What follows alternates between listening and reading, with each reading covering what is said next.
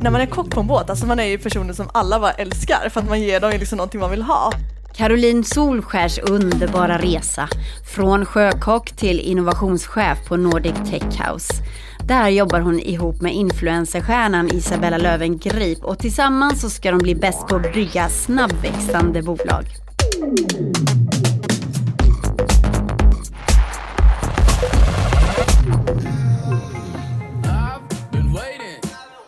Hej, här är vi igen. Breakits podcast rullar ut med ett nytt sommaravsnitt.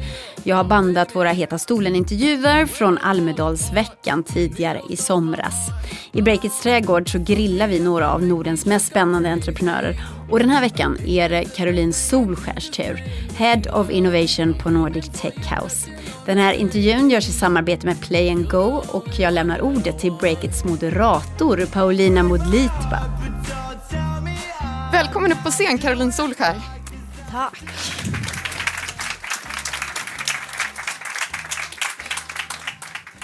Som ju då till vardags numera är innovationschef på Nordic Tech House, Mm. som du ska få berätta lite mer om. Vi ska ju prata lite mer generellt om just det här med att, att locka talang och behålla talang och så vidare. Men, men jag tänkte faktiskt ta mig friheten att, att prata lite om dig, om det känns okej. För, Ja, men det är jag älskar att prata om mig. för du sitter lite på dubbla stolar, tänker jag, i bemärkelsen att du både i din roll nu som innovationschef själv eh, tampas med att locka talang och, och anställa personer eh, och bygga kultur, liksom företagskulturen. Men du är ju också själv en talang och har varit en talang som, som många har velat anställa. Som har varit liksom, så du har båda perspektiven, tänker jag. Ehm, jag lyssnade ju på podcasten Barn... ehm, nej, inte Barnbrytaren heter det inte. Utan Mäktiga den kvinnor? ehm, vad sa du? Mäktiga kvinnor Mäkt, nej, Ja. inte Mäktiga kvinnor, men den har jag också lyssnat på. Eh, men, men det spelar inte så stor roll. Men jag lyssnar, det är liksom mitt sätt att göra research när jag ska göra intervjuer och lyssna på podcast. Uppstickarna. Uppstickarna Ja. var det. Bra, där. Du har koll. Eh, och det slog ju mig, apropå det här med att jag kände igen mig i dig, att du har en otroligt, vad folk kanske skulle säga, en brokig karriär. Du började som sjöman eh, och jobbade som det i tre, Ni- fy- nio år. Mm. Nio år till och med. Och, och därifrån så kom du på något vis till att jobba inom techbranschen som innovationschef. Och, och där tänker jag att det finns någonting väldigt intressant att hämta för, för publiken och också för mig. Hur, ehm, och jag tänker också att vi ska prata om dina drivkrafter, för där kände jag också igen mig. Vad, oavsett liksom i vilken bransch eller sektor du än har jobbat och vilken roll du har haft, så, så har du vissa väldigt tydliga, starka drivkrafter. Och de tänker jag också att vi ska gräva lite i. Men vi börjar liksom, från sjöman till innovationschef. Vad, Ja. vad hände? Eh, ja, nej, men det är en, en, en lång och lustig historia. Jag började jobba som sjöman när jag var 14 år. Eh, jag är från en liten ö i Göteborgs eh, norra skärgård. Eh, och, för mig var det ju jättehäftigt att få vara ute på sjön och jag fick massa ansvar. Jag jobbade då som sjökock så jag lagade maten ombord. Och när man är kock på en båt, alltså man är ju personer som alla bara älskar för att man ger dem liksom någonting man vill ha. Eh, så, och jag fick gå ut och resa, jag fick se världen och eh, min, jag har alltid, alltid varit duktig i skolan så mina lärare tyckte det var okej så länge jag... Så jag skötte läxor och liksom klarade prov och sådär. Så jag var ute ganska mycket och jobbade och sen, Så du var väldigt ung när du började? ja, 14. Eh, Okej. 14 år gammal var jag, gick på högstadiet. Ah, och pluggade på distans alltså? Ja, eller jag var, jag var ute kanske en vecka, hemma en vecka och lite så fram och tillbaka. Eh, och sen när jag skulle välja gymnasiet så fick jag veta att det då fanns eh, hotell och restaurang med inriktning sjöintendentur. Så jag är utbildad sjökock. Det är inte många som är det. Eh, och sen så fortsatte jag jobba som sjökock i några år och då jobbade jag på handelsflottan, containerfartyg, tankfartyg. Eh, och sen fick jag då mitt drömjobb på en seglande gymnasieskola som heter Gunilla. Så tänkte jag så här, Pirates of the Caribbean, full med 44 stycken gymnasieelever och så bara seglade vi runt i hela världen. Det var helt fantastiskt. Så det gjorde jag då i tre år eh, tills jag var 23. Eh, sen fick jag, en, eh, fick jag en livskris och kände gud vad jag är gammal. och jag bara, vad ska jag göra med mitt liv? Som man Så- gör vid 23? som man gör vid 23. så, så då sa jag upp mig eh, och eh, flyttade till Stockholm och började plugga. Eh, har en dubbelexamen i datasystemvetenskap och företagsekonomi. Och att det blev just IT, det var lite så här, det bara hände, det bara blev lite så. Men det där vill jag gräva lite mer i. Mm. Bara för att det var ju också lite vad vi touchade på i, i förra panelen, det vill säga att locka fler kvinnor till ingenjörskap. Ja. Jag har min story också som, som har en ingenjörsbakgrund också. Men hur låter din? För även om du upplevde det som att det bara hände, Ja. det bara blev så, det känns som att det ändå måste ha funnits några faktorer där kring varför du valde den banan. Ja, alltså, det var, jag satt ju och kollade på allt möjligt. Jag, jag kollade varenda utbildning, liksom, var så här, ska jag göra det här, ska jag göra det här? För, jag hade, för innan hade jag aldrig, aldrig ens tänkt att jag skulle plugga vidare. Eh, och sen så satt jag och kollade på en, på, på en datasystemvetenskaplig utbildning och, och min dåvarande pojkvän, eh, han bodde i Stockholm och han hade pluggat på KTH. Och så han bara, men den här utbildningen Caroline, den ser jätteintressant ut. Och, och jag hade ju den här bilden av att IT, ja men det är så bleka killar som sitter i en källare och kodar liksom så här grön skärm så. så jag bara, nej det vet jag inte, jag tycker det låter så kul. Han bara, och då sa han en sak som jag fortfarande så här aldrig glömmer. Han bara, Caroline, det är klart du ska plugga IT. Mm. IT är ju framtiden. Det är där allting händer. Mm. Och det tyckte jag ju lät fruktansvärt spännande. Mm, det var en väldigt bra sales Ja, mm. och då kände jag så här, men det måste jag ju testa. Och, och så bara sökte jag. Ja. Och, och det kändes rätt från första början? Ja, för jag kom ju dit första dagen och var livrädd. För jag tänkte ju där, det kommer vara, jag kommer vara ensam tjej, alla andra kommer vara så här riktiga, så här, jätteduktiga, alltså redan kan koda, redan, mm. så liksom, levt med sin dator hela sitt liv och så kommer jag där och bara, ah, jag har jobbat på sjön i nio år. Mm. Så jag var livrädd. Eh, kommer in och vi ska ha vår första föreläsning och, och den handlar om HTML och CSS. Och då inser jag att Ja men där kan ju redan jag. Mm. jag satt, när jag var liten satt jag med Lunarstorm varenda dag och skulle ha, jag skulle ha den snyggaste pagen. Det var liksom så, mm. jag är ganska tävlingsinriktad. så skulle ha snyggaste pagen. Så jag satt där och kodade varenda dag. Mm. Men det var aldrig någon som sa till mig då att det var IT eller att eh, det här som du tycker är roligt Caroline, det kan du jobba med. Det är, det är ett yrke. Eh, och, så det, men då satt jag där min första föreläsning och kände bara wow, det, det är här jag ska vara. Mm. Så, så där och då så insåg jag direkt att det är klart jag ska vara här. Mm. Eh, men det tog ett tag. Och sen då när du kom ut i, i arbetslivet, vad, vad, tog du vägen då? Visste du på en gång vad du ville ja, jobba för, med? Ja, för då hade jag bestämt mig att att lyckas, alltså karriär, då ska man jobba på storbolag. Och jag pluggade ju IT, så ett stort techbolag. Så jag var så här, det ska bli Google eller Facebook mm. eller Spotify eller Microsoft. Och så blev det Microsoft. Mm. Och jag var så glad. Alltså jag var så glad. Jag var så här, yeah! Liksom, det är så här, nu, det här är liksom beviset, så, stämpeln bara, du, nu har du lyckats, Caroline sa. Uh -huh. Och så, och så började jag jobba på Microsoft.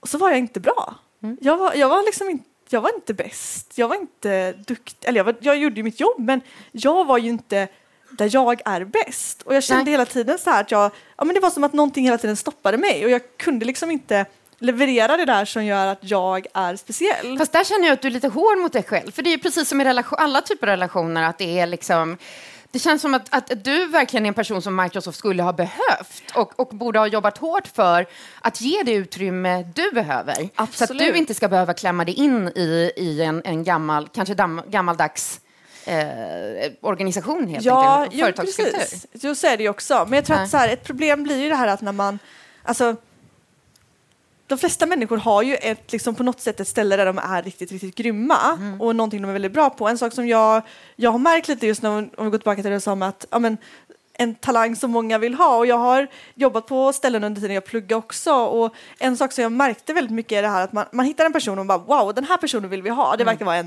talang eller vad du ska kalla det. Mm. Och så lägger man ner jättemycket tid på att fånga den här personen och liksom lovar eh, eh, guld och gröna skogar och, och, allt det här och så, så, så lyckas man signa den här personen och bolaget är jätteglada och den här talangen är jätteglad för att den har kommit dit den ville, trodde att den ville. Mm. Men sen så har man glömt att man har inte tänkt på varför är den här talangen en talang? Jo men det är för att den är bra på de här sakerna. Mm. Är det det vi behöver eller erbjuder? Mm. Nej, det kanske inte är. Och då är det ju inte en rätt match. Och, och det är det man ofta glömmer bort. att det är klart att Microsoft säkert, alltså det finns säkert många ställen där jag skulle kunna frodas. Mm. Eh, men just där och då i det sammanhanget så var det liksom inte... Var det just...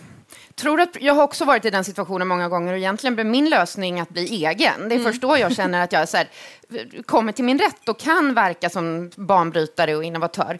Men tror att det är där skon klämmer? Att företag gärna de attraheras av banbrytare och känner att gud vilken härlig energi och den här personen kommer komma in och förändra. Och sen när du väl kommer in i det bolaget så är man inte redo för det. Mm. Eh, så är inte organisationen redo för det så har man inte mandatet för att faktiskt förändra på riktigt. Precis, ja men det är ju det. Alltså, jag är ju bäst när jag får ett utrymme och bara här agera. Jag är bra på att agera mm. snabbt i saker och se någonting och bara okej, okay, det där kan nog bli liksom en framgångsfaktor och då måste jag få köra på det direkt. Ja. Men om man är speciellt i stora organisationer så är ju det väldigt svårt. Så ja.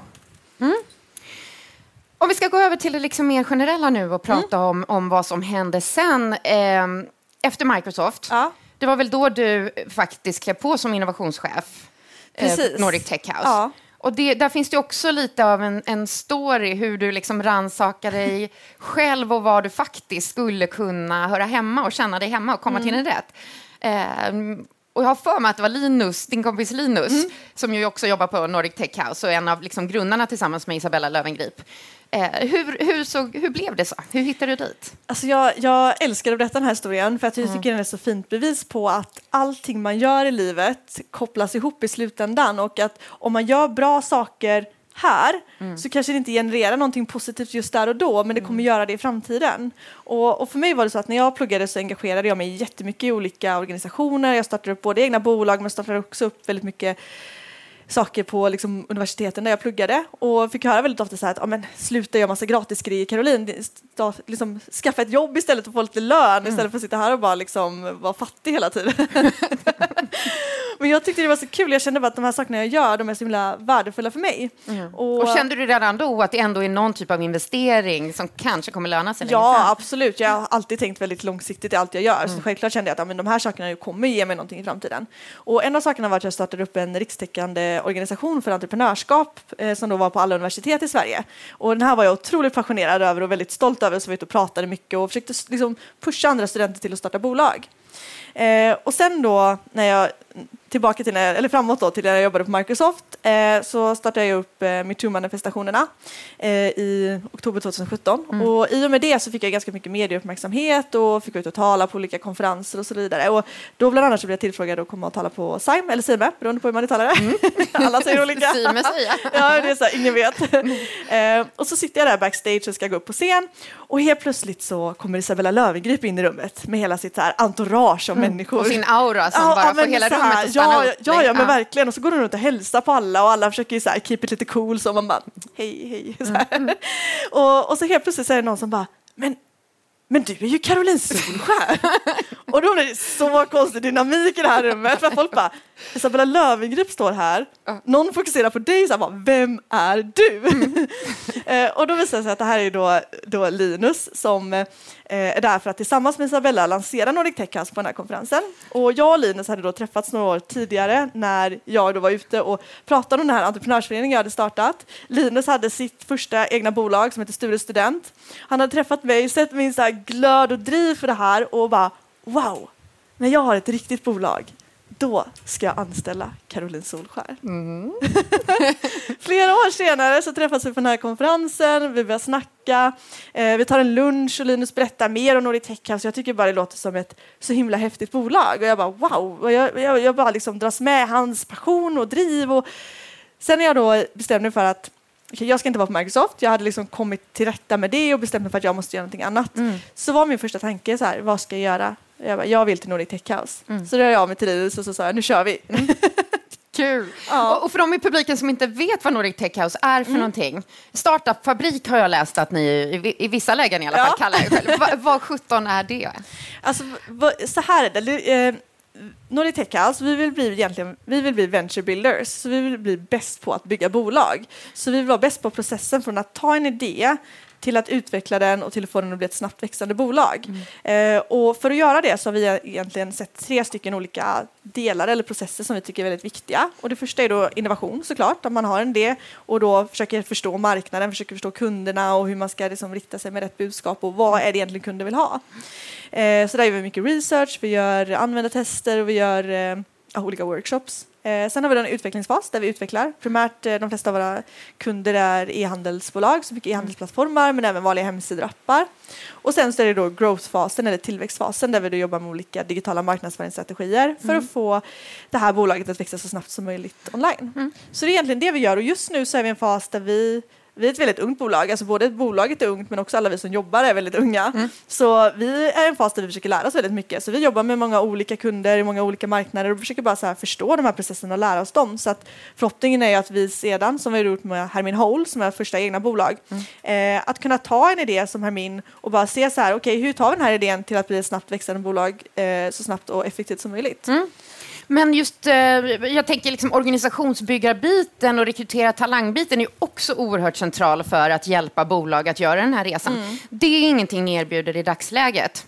För det känns ju som, eh, nu hjälper jag ja, dig att ja, jag kände det, bara, bra. Jag gör ditt jobb. Ja. men det är ingenting som ni erbjuder idag? Nej, Nej, ingenting som vi erbjuder idag. Men däremot så sagt, alltså på ett sätt, alltså vi, vi blir ju som kanske en person som går in i ett bolag och hjälper dem och i det får man ju liksom hela våran talangbas tillsammans. Ja.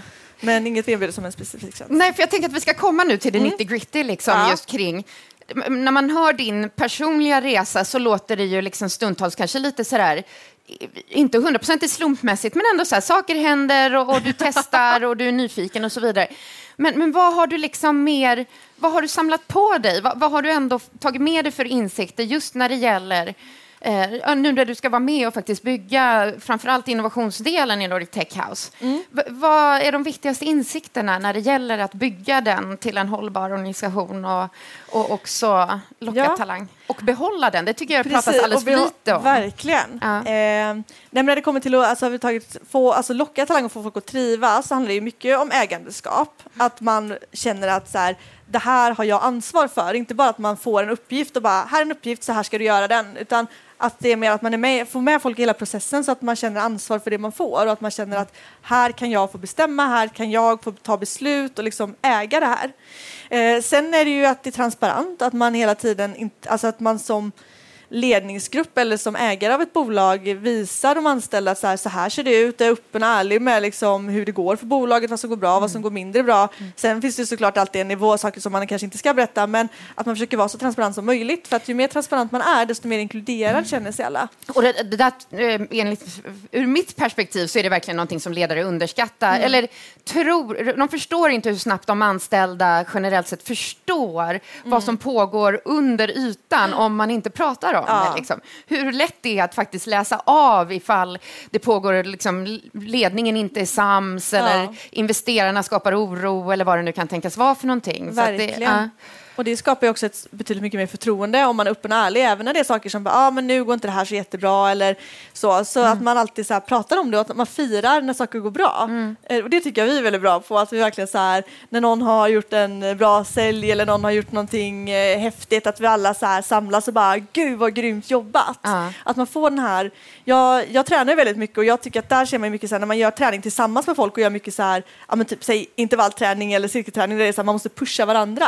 Då kan man ta en grupp med ganska människor som inte känner varandra, mm. pusha ihop dem och så under ett träningspass så kommer man jättenära varandra bara för att man har liksom verkligen så här fightas tillsammans mm. och, och fira och vara glad och så. Så jag tror det är också jätteviktigt att man så här, sagt, man, man firar tillsammans och man pratar tillsammans, verkligen känner så att vi är, vi är en familj, vi är en grupp, vi, liksom, vi är här tillsammans. Mm. För det tror jag är jätteviktigt, speciellt för, för den yngre generationen, att man känner den här liksom, samhörigheten. Mm. Kanske inte alla här lyssnade på förra panelen, men för att recappa den lite så pratade vi väldigt mycket om just rekrytering, hur man hittar talang, eh, den globala konkurrensen av, liksom, av mm. talang och hur hård den är numera. Men jag skulle vilja gräva lite mer i det här med att bygga eh, organisationer som faktiskt lyckas behålla talangen.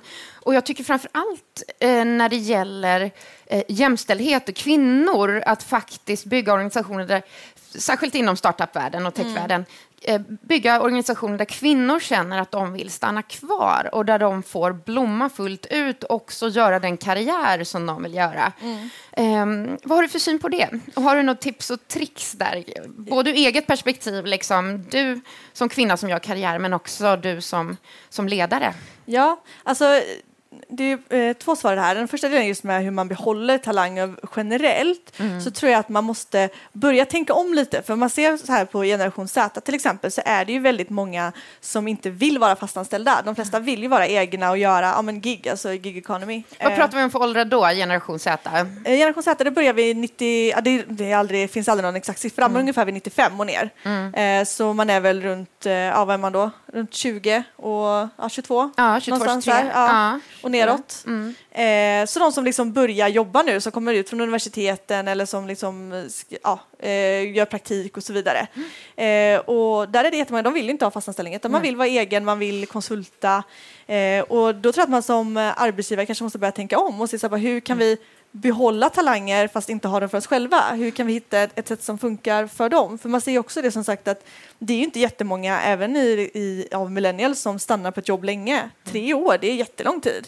Eh, och det är så här, det kanske inte är för att bolagen är dåliga utan för att vi som människor har förändrats och måste ha ett nytt sätt. Och då snarare ser det så här, hur kan vi ha snabba inrekryteringar? För det är också en sak som är ett väldigt stort problem att man har en, en rekrytering, eller liksom inte rekrytering men en, vad heter det, när man väl börjar jobba. Eh, ja, Alltså, eh, vad- tappar jag ordet helt.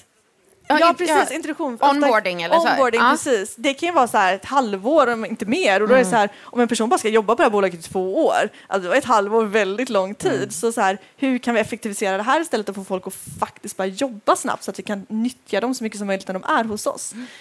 Mm. Eh, men sen för att få, få fler kvinnor att trivas, att stanna, att vilja söka jobben så handlar det ju jättemycket om förebilder tycker jag. Att man, har, att man ser på ett bolag att i den här ledningsgruppen till exempel så har vi starka kvinnor som, som är bra förebilder som visar på liksom att man, man kan vara kvinna och jobba här. För att Problemet blir ju det lite som när jag då gick på min första föreläsning och bara såg framför mig att det skulle vara jag och massa killar. Det är inte att jag har problem att sitta med bara massa killar. Men ser man en annan, en annan kvinna så känner man lite mer, aha men här kan ju jag också vara på ett helt annat sätt. Och man kan också skapa en, en kultur tillsammans. Så jag tror att om man går in i ett bolag och ser att här finns det en härlig kvinna som liksom driver de här frågorna framåt som, ser, som kan förstå mig på ett annat sätt kanske, kanske. det ska man inte generalisera heller. Men, ja, så, så starka kvinnliga ledare är att man ser till att man inte bara har fyra män som heter Anders liksom, som leder bolaget framåt för att det funkar inte. exakt, fler Anders än det finns kvinnor, Ja, ja, som men- det är i många fall. Ja, ja men verkligen. Och i ert fall så finns ju både du och så, så finns Isabella Lövengrip som, Ja. som är en av grundarna. Och Pingis. Ja. Hur, sätter, hur sätter Isabella sin prägel? Är det någonting som hon liksom från, först, från scratch har satt som någonting som är prioriterat? Att faktiskt sätta en, en mer dynamisk eh, eh, kultur som inte är klassiskt snubbig, eh, Ja, e-handelssnubbig. Ja, va? ja. men verkligen. Jag tycker vi är verkligen inte ett, eh, ett klassiskt eh, techbolag eller techstartup på något sätt. Eh, sen så beror väl det på att då, som sagt eh, innan så satt ju vi tillsammans och då i Löwengrip, eh, Löwengrip Invest och Löwengrip Beauty så är de ju primärt bara kvinnor. Eh, och sen på Noitech House är vi väl 50-50 kvinnor och män. Så att, eh, det har ju varit väldigt mycket kvinnor överlag på bolaget, vilket är jättehärligt. Eh, men sen så som sagt Isabella är ju väldigt bra på just det här att det här med ägandeskap, att så här, du är anställd för att du vet att du är bäst på det du gör. Eh, och det är någonting som vi alla tar med oss när vi rekryterar nya, att så här, vi anställer någon för att den är bäst, inte för att den är lika bra. Alltså, så här, jag skulle inte anställa någon som är lika bra som är på att koda. Det är ju meningslöst, då kan jag ju göra det själv. så att man liksom, att man så här, du är anställd för att du är bäst, så kör, gör din grej, för vi vet att du kommer göra det bäst. Och just det här med snabb omställning och faktiskt acceptera hur, hur det ser ut med generation Z och den nya talangen som kommer. Och hur kort tid de kommer jobba, alltså de, de helst vill vara en del av en, en snabbrörlig gigekonomi, eller man nu ska säga. Det känns som att det är kan, kanske mer lätt för bolag som er, s- alltså startups, att faktiskt anpassa sig till. Men du som också har jobbat på Microsoft till exempel, tror du att, att så stora etablerade företag med etablerade organisationer har en chans att ställa om? Är det möjligt? Det är det absolut, men det krävs ju lite arbete. Och hur gör man då? Ja, alltså när det kommer till ett sådant stort bolag som Microsoft så är det svårare att det drivs så himla mycket från USA. Alltså, eh, allting bestäms ju i Seattle ungefär och då är det ju jättesvårt att på en liksom, lokal marknad egentligen kunna fatta sådana stora beslut som så här, hur ska vi rekrytera. Eh, men jag tror att man får väl börja lite smått, tänker jag. Man får börja så här, okej nu ska vi göra det här projektet. Eh, vi har ingen här som kan göra det. Ja, men då anställer vi någon eh, tar in en konsult för det på just det här lilla projektet och så, ja ah, men det funkar jättebra, vill du jobba lite mer timmar? Och så, tar- alltså, så här, Man måste ju inte bara så här, ja ah, nu ska vi avskeda alla här och ni får starta egna bolag och så, så utan att så här, testa lite, för jag tror att man kan man, det finns jättemycket fördelar med det också som bolag, att inte bara ha massa anställda utan faktiskt ha lite folk som man tar in när de behövs. Jag, jag tänkte gräva lite i någonting som jag tycker är vansinnigt spännande och det är hela liksom rekryteringsprocessen och HR-biten, för det känns som att den måste ställa om något otroligt också till att slopa hela liksom CV-förfarandet med CD-scanning och liksom Ja. vilka faktiska konkreta kompetenser efterfrågar vi? För där hör vi också hur stor skillnad det är mellan kvinnor och män i kvinnor verkligen vill ticka varenda liten box och, och, och, och se till att de upp, verkligen uppfyller rollen. Vad, vad övergår man till istället? Har ni några liksom, spännande rekryteringsmetoder för att hitta de som, som passar bra i ett bolag som ert? Ja, alltså vi försöker väl se det lite mer som en casting istället. alltså som Idol? Eller? Ja, precis. Vi sitter så vid ett bord och ja. så tio Nej. Nej, men alltså just det här att det är klart att man i, i vissa i vissa roller som vi har till exempel så måste man, måste och måste, men så får man skicka in till exempel en portfolio för att det handlar mycket om så här, alltså designjobb och mm. marknadsföringsjobb där man mer behöver så här, se lite så. Eh, men annars så försöker vi bara, vi, har, vi är inte så jättemånga anställda än, mm. eh, men i de rekryteringsprocesser vi gör så försöker vi väl mer bara så här försöka förstå personen och kan, i min egen process för att komma in på Nordic Tech House så är det väldigt så här vi satt ju ner och bara hade samtal egentligen där vi pratade om så här, okej, okay, vad behöver Nordic Tech House? Vad är jag bra på? Vad finns, vad, vad möts de? Mm. Eh, och då dök den här rollen upp. Så det var inte så att de sökte en Head of Innovation utan det var så här, okej, okay, Caroline kan göra det här, vi behöver det här. Då blev det det här. Mm. Och det är väl lite så vi försöker göra, att försöka hitta okej, okay, just nu behöver vi det här och det här är rätt person. Eller att man också bara tittar mer på, för vi har ju sagt vi är ett ungt bolag, vi har ganska mycket unga människor som jobbar hos oss och då kanske det inte alltid är så att man vet vad det är man vill göra, mm. vet vad man är riktigt är bra på eller, vet, eller har en jättespecifik utbildning, utan då är det mer att man tittar på personen. Mm. Okej, du är en jättedriven person som vill göra jättemycket saker. Mm. Kom och testa.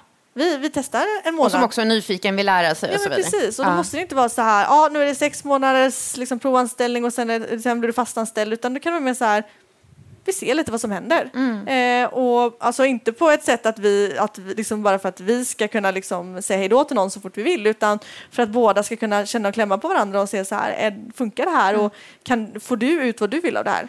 Så ja. jag tror jättemycket på det, att man måste, man måste inte, man kan börja testa lite smått och försöka hitta rätt liksom. Och just när det gäller liksom den innovativa aspekten av organisationen och så innovativt bolag som du själv är verksam i, liksom, vad, vad, tittar ni på för kvalitet då? Vad är det för typ av personer som du har sett passar i att vara del av en, en, en innovationskultur?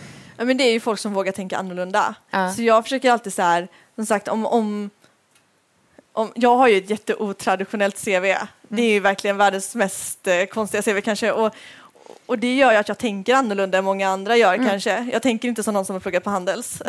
och det tycker jag är jätteskönt att jag inte gör. Jag tycker det är jätteskönt för folk som tänker som de har pluggat på Handels också. Men det, så om det kommer in någon som har varit begravningsentreprenör tidigare så, ja, så är det ingenting du liksom nej, ser nej, som någon, något negativt? Nej, verkligen inte. Nej. Utan jag, så här, jag tror verkligen på alltså, dynamik, man ska hitta olika sorters människor. Jag vill, inte ha, jag, jag vill inte ha tio stycken som mig att jobba med, det hade varit fruktansvärt. liksom. Jag kan relatera. Ja, eller, ja men precis. Fall, ja. ja. Så det är så här, man vill ju ha väldigt olika människor som har samma värdegrund. Mm. För det är ju det det handlar om i slutändan, att vill man få folk att stanna kvar, vill man få folk att jobba liksom göra sitt absolut bästa så måste man dela vision. Man måste veta att bolaget ska hit, alla vill dit. Och hittar man de människorna så är det jättebra om de är så olika som möjligt. För ju mer olika de är, desto mer olika insikter man kommer ifrågasätta varandra och lösa problem på olika sätt. Ja. Behöver man tråkiga personer också? För jag tänker att ja. ibland om man bara har liksom 20 personer som alla är så jävla pepp på framtiden Nej, det får inte bara vara glass och ballonger alltså. Ja. det, måste, det är det som är, och det är väl det som vi har, alltså, inte ja. att folk är tråkiga, men att mm. vi har väldigt olika människor. Vissa sitter och älskar, sitter, liksom älskar att sitta i Excel, mm. tycker det är, det, är så här, så det bästa på dagen. En CFO som bara ja, är, ja, ja. som pekar på siffrorna ja, och, bara, verkligheten. Liksom. så det, men jag måste ändå säga att vi gör faktiskt till och med sådana saker roliga. Mm. Det är så här, vi kan sitta och ha så här, möten när vi sitter med så här, kollar på, ja, men alltså, kollar på hur, hur det har gått med, med kassaflöde och allting och sitter vi bara och skrattar och har jättekul. Så att vi får till, på Noritekas så får ja. vi till och med Excel och ser roligt Det ut. låter som att det går bra för er med andra du, framtiden då? Hur ser den ut? Dels för Nordic Tech House. Har, mm. du, har du något roligt du kan berätta? Eh, mina journalistkollegor tycker ja, jag är med sina datorer eh, sugna på att kunna breaka någonting. Mm. Eh, alltså vi har lite spännande saker framöver. Eh, vissa saker som jag tyvärr inte kan gå ut med än. Mm. Men just nu, vad som är liksom det vi fokuserar mest på är att vi håller på att öppna upp ett retail-labb i Gallerian. Så vi har mm. precis flyttat in i Gallerian i nya lokaler och där vi upp, ska hålla på att öppna upp ett retail-labb där vi kommer bedriva forskning på framtidens retail. Så hur mm. offline möter online, nya köpbeteende, omnichannel-strategier och så vidare. Mm. Eh, och vi då kommer ifrån då, ah, den digitala liksom, e-handelsbakgrunden. Och vi har teamat upp oss med ett bolag som heter Retail Academic som kommer från mer forskningsbakgrunden. Och eh, tillsammans så hoppas vi då på att kunna ja, se mer så här hur, hur kan eh, liksom offline och online samarbeta och, mm. och, och, hur kan vi göra handeln bättre. Mm. Så det är väl det som vi håller på att fokusera mest på just nu som är jättekul. Jag såg också att du hade varit med i en AI-podd när jag gjorde research där bland, ja. bland podcasten. Så jag antar, anar att maskininlärning och, och, AI kommer vara en stor del av det. Absolut. Av det labbet. Ja, det kommer vara väldigt mycket olika tekniska partners. Eh, mm. och så att det kommer bli både att man som bolag kan komma in och vad ska man säga, alltså vara bolaget som, som är i, i vårt labb mm. och sen så kommer man kunna välja olika tekniska lösningar till. Mm. Så att, eh, ja, det kommer hända mycket spännande. Mm. Kul! Nu är det dags att wrappa upp. Tack mm. så jättemycket Caroline Solskär för att du ville joina oss här och dela med dig av din personliga resa och klokskaper. Tack så mycket! Tack. Du har lyssnat på Caroline Solskär som intervjuades av Paulina Modlitba i Breakits trädgård under årets Almedalsvecka. På fredag är vi tillbaka med en ny sommarpodd och då är det rymdfararen Christer Fuglesang som berättar om sina öden och äventyr. Lyssna då också. Ansvarig utgivare för Breakits podcast är Olle Aronsson. Fredrik Nilsson sköter tekniken och själv så heter jag Katarina Andersson. Ha en riktigt skön sommarvecka.